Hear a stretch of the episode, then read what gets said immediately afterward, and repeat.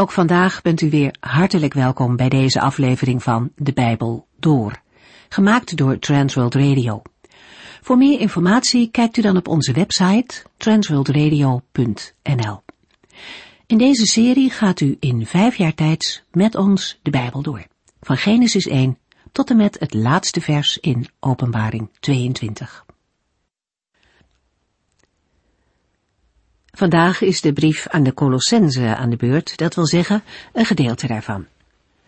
Paulus schreef deze brief vanuit de gevangenis in Rome aan de toenmalige gemeente in Colosse. Deze gemeente was ontstaan door het werk van Epaphras, een man die niet zo heel bekend is geworden. Maar in deze brief komen we hem af en toe tegen. We zien een man die een voorbeeld in geloof was. Hij was bijzonder geliefd bij Paulus en zijn medewerkers. Bovendien was hij een trouwe dienstknecht, of nog sterker gezegd, slaaf van Christus, die zich volledig voor de gemeente inzette. De vergelijking met een slaaf wordt gemaakt om aan te geven dat Epaphras een onvoorwaardelijke gehoorzame was aan de Heere. Epaphras was trouw in het werk dat de Heere hem te doen had gegeven. En een belangrijk kenmerk van deze man was ook zijn gebedsleven. In hoofdstuk 4 schrijft Paulus daarover. Het zijn versen waar we soms zomaar overheen lezen. Ze staan tussen de laatste mededelingen en de groeten in van de apostel. Maar ze zijn wel mooi om er even uit te lichten, want ze zeggen nogal wat van Epaphras. Opnieuw wordt hij een slaaf van Jezus Christus genoemd. En dat kenmerkt dus zijn geloofsleven blijkbaar. Het draait niet om hem, maar om de Heer die hij dient. Epaphras is verder een man van gebed en voortdurend bidt hij voor de gemeente in Colosse. Hun geestelijk welzijn gaat hem aan het hart. Hij bidt dat ze zullen vaststaan in het geloof, dat ze sterke en volwassen gelovigen zullen worden, die de wil van God doen in hun leven. En dat zijn nog eens mooie dingen om voor anderen te bidden.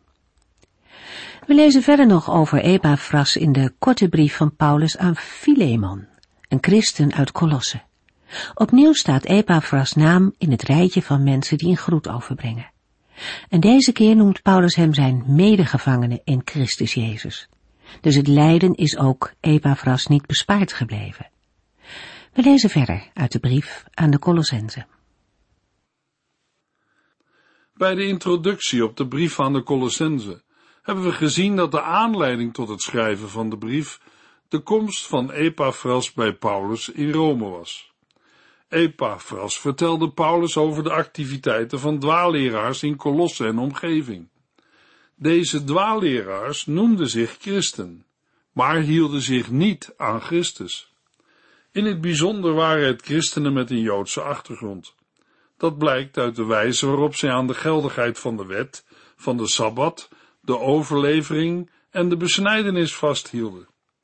We moeten hen echter niet gelijkstellen met judaïsten, voorstanders van een Joods wettisch christendom, die we in de brief van Paulus aan de Galaten tegenkwamen.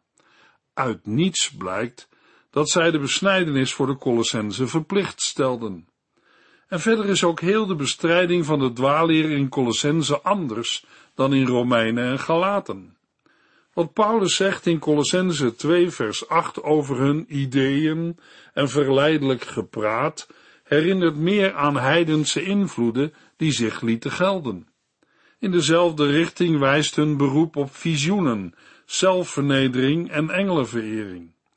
De dwaalleer in Kolosse droeg een samengesteld karakter, zoals een mengsel van Joodse en heidense bestanddelen. Het stond in verband met de aard van de bevolking en het geestelijk milieu in Frigië en was in overeenstemming met de geestesgesteldheid van de eerste eeuwen van onze jaartelling.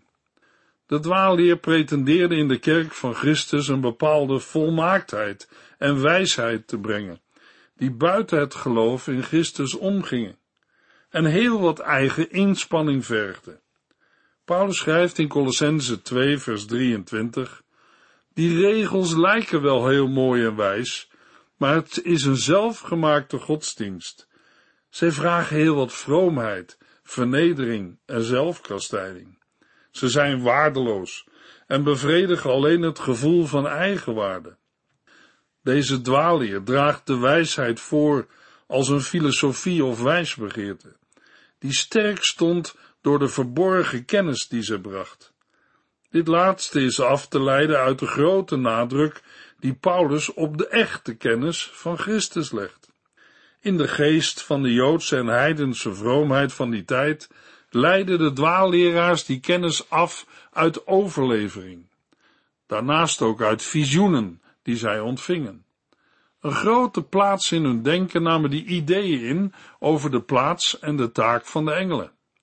Ook dat was in overeenstemming met de geest van die tijd.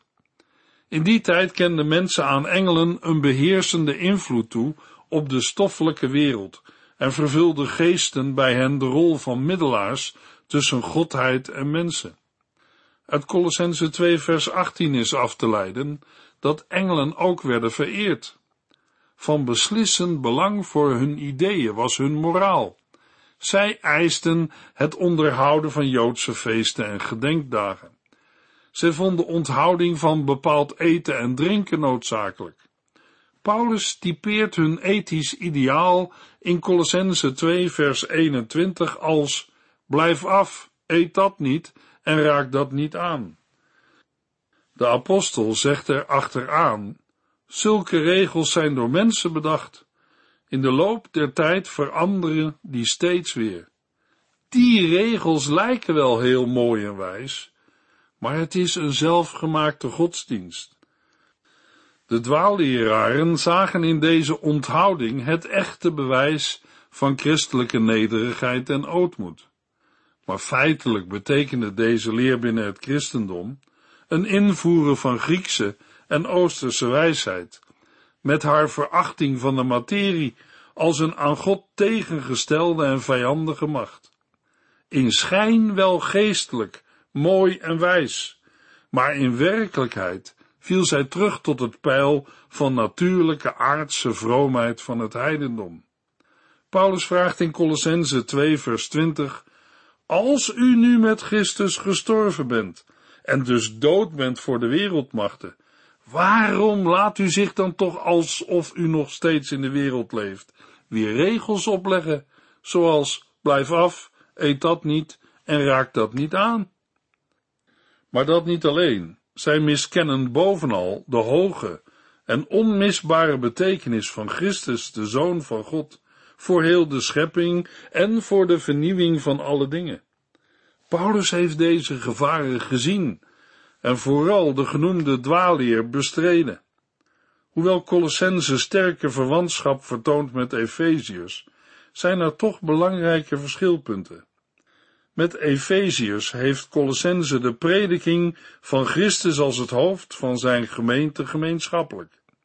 In Christus als hoofd van de christelijke gemeente vindt de gemeente haar eenheid. Net als Efeziërs kent Colossense de rijkdom van de verkondiging als openbaring van het geheimenis van Christus. Voor Joden en niet-Joden. Met Efeziër stelt Colossense ook de unieke betekenis van de persoon van Christus op de voorgrond. In hem woont het hele wezen van God in een lichamelijke gestalte. Want Gods geheim, dat hij nu ten slotte heeft bekendgemaakt, is Christus zelf. Al de schatten van wijsheid en kennis zijn in hem verborgen. Als verschil tussen de beide brieven is op te merken dat Efeziërs meer positief van opzet is. In Colossense neemt, in verband met de opgetreden dwaalleer, het bestrijdend element een grotere plaats in. In Efeziër staat de betekenis van Christus voor de kerk of de gemeente in het middelpunt. In Colossense, in verband met het karakter van de dwaalleer, de kosmische betekenis van de persoon van Christus. In Christus is alles in de hemelen en op aarde geschapen, al het zichtbare en onzichtbare. Hij was er al voordat er iets bestond en alles wat bestaat is er dankzij hem. Hij is de middelaar van de herschepping en het hoofd van de gemeente. Zijn verzoeningswerk heeft op heel de schepping of kosmos betrekking, alles wat in de hemelen en op aarde is. In dat verband wordt er in Colossense herhaaldelijk over engelen gesproken. Dat is geen filosofische uiteenzetting, maar een uitvloeisel van de prediking van Jezus Christus. In de persoon van Christus is de onzichtbare God zichtbaar geworden. Hij is als eerstgeborene verheven boven de hele schepping. Hij is het beeld van God, schepper, verzoener en erfgenaam van alle dingen. In hem woont de ganse volheid van God. De engelen zijn niet meer dan schepselen. Christus is de hoogste heerser en autoriteit over elke andere macht, ook over goede en gevallen engelen. De gevallen of boze engelen heeft hij door het kruis aan de kaak gesteld. Daarom is het dwaas hen te vereren. Het is opvallend dat de Colossense brief een sterke nadruk legt op kennis en wijsheid. Het staat in verband met de bestrijding van de dwaalleer. Het betekent niet dat er nu een filosofisch element in de evangelieverkondiging is binnengeslopen. Met nadruk verkondigt Paulus in Colossense 2 vers 3 dat al de schatten van wijsheid en kennis in Christus zijn verborgen. Met andere woorden, de echte kennis en wijsheid is in hem verborgen en alleen bij Christus te vinden. Paulus moedigt de gelovigen aan in Colossense 4 vers 5, gedraag u wijs tegenover de ongelovigen en gebruik elke gelegenheid om hun het goede nieuws door te geven. Daarmee richt Paulus zich ook op de praktijk van het dagelijks leven. Op deze praktijk richt de apostel zich in het tweede deel van de brief aan de Colossense. Niet onthouding, maar levensheiliging is het doel van het christelijk handelen. Zij ontleent haar grondslag en kracht aan het gestorven en opgewekt zijn met Christus. Daardoor is de oude mens gestorven en de nieuwe mens opgestaan, die nog steeds groeit en God beter leert kennen. De uitwerking daarvan is in het leven van elke dag, in gezin en maatschappij te bemerken. Dit in Christus gefundeerde geloofstandpunt maakt een gelovige vrij van een wettische geloofsinstelling, van een beklemmende moraal van blijf af, eet dat niet en raak niet aan, en doet een gelovige ook innerlijk vrijstaan tegenover mens en wereld. Zo'n geloof baant de weg tot dankbaarheid, waarop in de brief aan de Colossense steeds wordt gewezen. In het nadruk leggen op de universele betekenis van Christus voor de schepping en herschepping, als ook op de draagwijte van zijn verzoening, met daarbij de nadruk op de noodzakelijkheid van een geheiligd leven en een geheiligde levenswandel, ligt de blijvende waarde van de brief aan de Colossense voor de kerk vandaag. Daaruit mag een christen in dankbaarheid aan de Here ook vandaag leven. In Colossense 1 wordt de godheid van Jezus Christus benadrukt. Een onderwerp dat in de kerkgeschiedenis altijd voor discussie en strijd heeft gezorgd. Paulus geeft in de Colossensebrief antwoord op een van de oudste ketterijen die de kerk of de gemeente van Christus heeft bedreigd, het gnosticisme. De term gnosticisme soms ook wel gnostiek genoemd, is afkomstig van het Griekse woord voor kennis. De bedoelde kennis duidt op mystieke, geheime of verborgen kennis.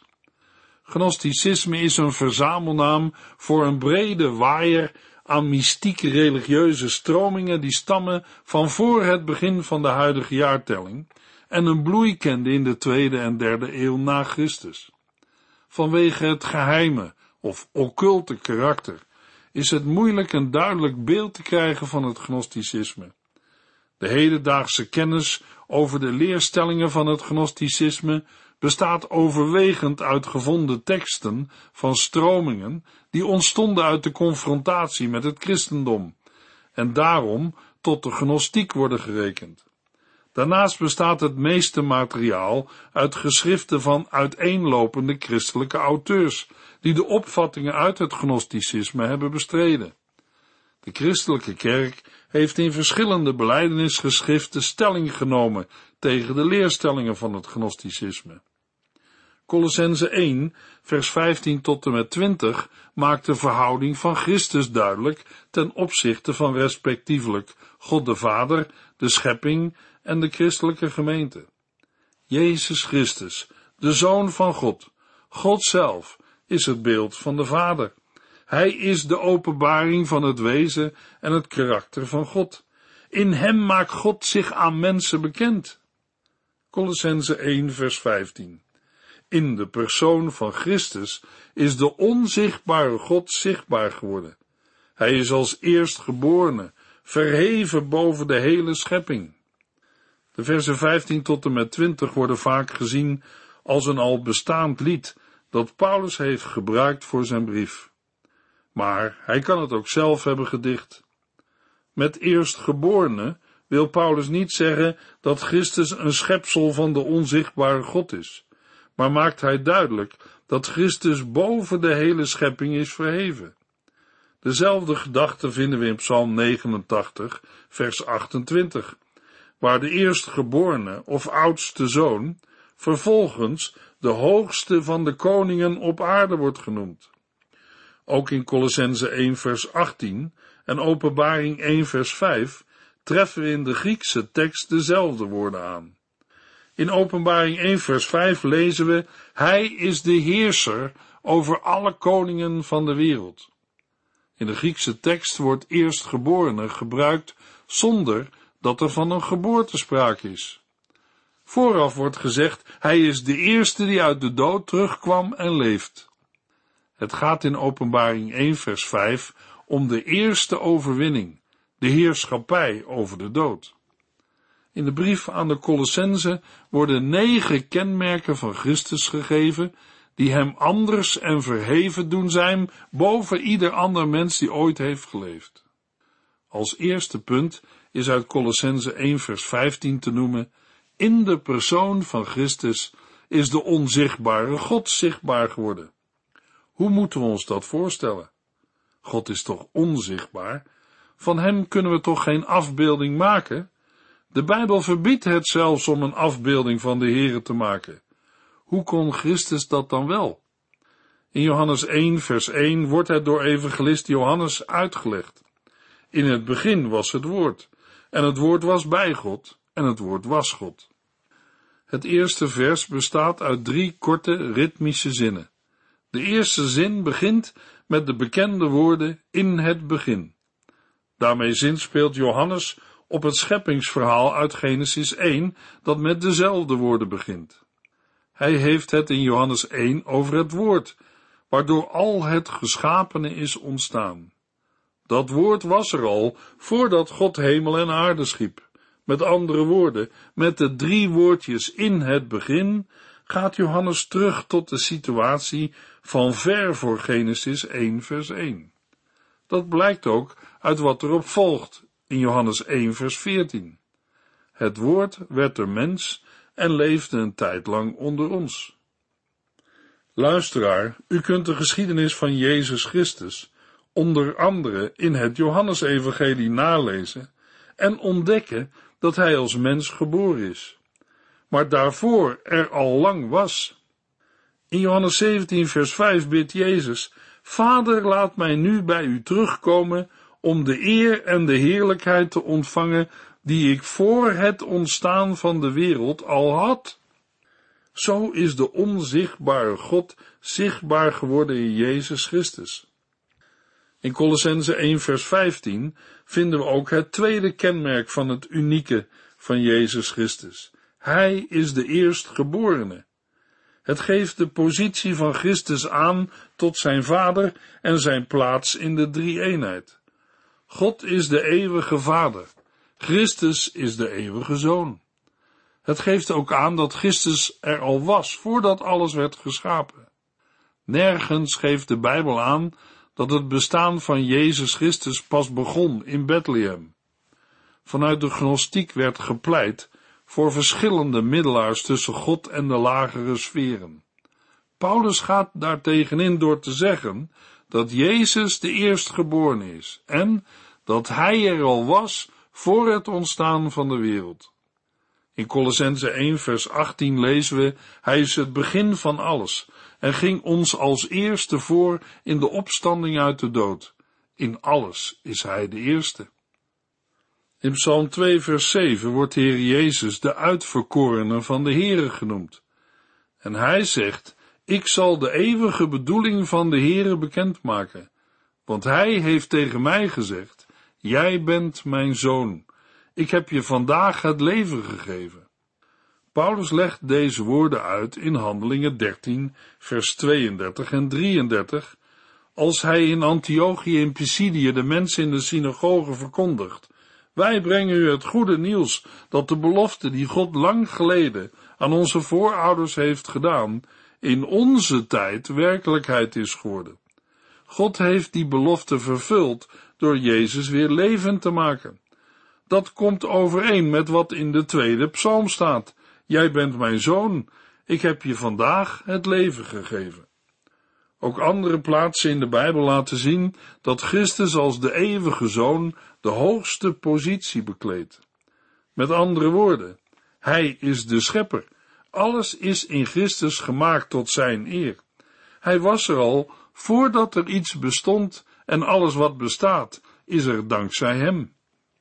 In Hebreeën 1 vers 3 lezen we, Gods Zoon straalt van Gods heerlijkheid en uit alles wat hij is en doet blijkt dat hij in wezen God is. Hij beheerst alles met zijn machtig woord.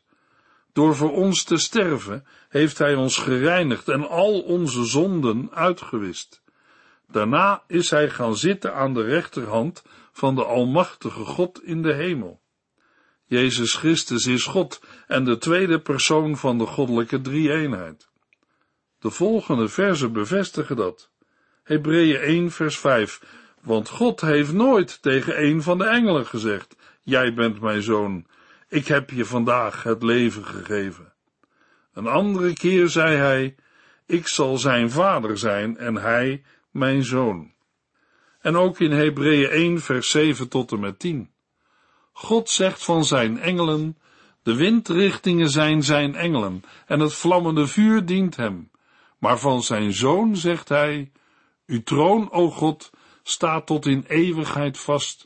Uw bewind is een rechtvaardig bewind. U houdt van rechtvaardigheid en haat wetteloosheid. Daarom heeft uw God, o God, u met meer blijdschap overgoten dan iemand anders. Hij wordt ook Heere genoemd, als er staat, Heere, in het begin heb u de aarde gemaakt en ook de hemel was uw werk. Van deze Jezus zegt Simon Petrus in Matthäus 16 vers 16, U bent de Christus, de Zoon van de levende God. Luisteraar, wat is uw beleidenis aangaande de Heer Jezus Christus? Colossense 1 vers 16 In Christus is alles in de hemelen en op de aarde geschapen, al het zichtbare en onzichtbare, koningen en wereldheersers, regeringen en andere autoriteiten. Alles is in Christus gemaakt tot zijn eer. Een derde kenmerk van het unieke van Christus is dat alles in hem of door hem is gemaakt. Ook deze woorden laten zien dat Christus geen schepsel is, maar schepper. Alle dingen werden in hem, door hem en tot hem geschapen. Daarmee wordt aangegeven dat Christus de bestaansrede van de schepping is en dat de schepping door middel van Christus tot stand is gekomen. Christus is ook de bestaansgrond voor alle aardse en bovenaardse levende wezens. Met koningen, wereldheersers, regeringen en andere autoriteiten bedoelt Paulus verschillende soorten bovenaardse engelenmachten. Paulus noemt ze omdat de dwaalleraren te Kolosse engelen vereerden naast of in plaats van Christus. Niet deze engelen beheersen de wereld, maar Christus. Een vierde kenmerk is dat alles in of door Christus is gemaakt tot zijn eer. Als u s'avonds naar de sterren kijkt, moet u zichzelf de vraag eens stellen. Waarom staat iedere ster op zijn bepaalde plaats? Het antwoord is omdat Jezus hem daar wilde hebben. Hij schiep niet alleen alles, maar alles werd ook voor hem geschapen. Colossense 1 vers 17. Hij was er al voordat er iets bestond en alles wat bestaat is er dankzij hem. Christus was al bij God voor er iets werd geschapen. Het is het vijfde kenmerk van het unieke van Jezus Christus. Deze woorden getuigen van het bestaan van Christus bij God voor de schepping van het heelal. Alles wat bestaat is er dankzij Hem. Is het zesde kenmerk en wil zeggen dat Christus de oorzaak en de reden is van het voortbestaan en de orde van het heelal. Hij houdt alles bij elkaar. Hij onderhoudt en bestuurt alles. Colossense 1 vers 18 Hij is het hoofd van de gemeente, zijn lichaam. Hij is het begin van alles en ging ons als eerste voor in de opstanding uit de dood. In alles is hij de eerste. Het begrip hoofd wordt mede gebruikt in de betekenis van heren. Maar Paulus gebruikt het in de eerste plaats in een beeldspraak, waarbij Christus het hoofd is en de gemeente het lichaam. Het is het zevende kenmerk van het unieke van Christus. Hij is het hoofd, de eerste en de belangrijkste. Het geestelijk leven van zijn gemeente is geheel afhankelijk van de relatie met hem als hoofd. Christus was de eerste die opstond uit de doden. Als gevolg daarvan zullen ook alle gelovigen opstaan uit de dood. Zo neemt Christus de eerste plaats in als oorsprong van de oude schepping en als bewerker van de nieuwe schepping. Hij is gesteld boven alles en iedereen. Deze waarheid werd door de dwaalleraren in Kolosse niet erkend. Maar de Heere gaat recht op zijn doel af. Dat doel is de Heer Jezus op de troon van deze wereld. Dat doel zal de Heere zeker bereiken, ook al weten wij niet wanneer dat zal gebeuren. In de volgende uitzending lezen we Colossense 1 vers 18 tot en met 24. U heeft geluisterd naar De Bijbel Door, in het Nederlands vertaald en bewerkt door Transworld Radio. Een programma waarin we in vijf jaar tijd de hele Bijbel doorgaan. Als u wilt reageren op deze uitzending of u heeft vragen, dan kunt u contact met ons opnemen. Tijdens kantooruren kunt u bellen op 0342 47 8432 0342 47 8432. Ook kunt u een e-mail sturen naar de Bijbel door transworldradio.nl en natuurlijk kunt u ook via de post ons bereiken. TWR, postbus 371, postcode 3770, AJ in Barneveld. Dit programma werd gepresenteerd door Cor Weda en Ike André. Techniek was in handen van Odin van Voorkom. En wij allemaal bedanken u voor het luisteren. Graag tot de volgende keer.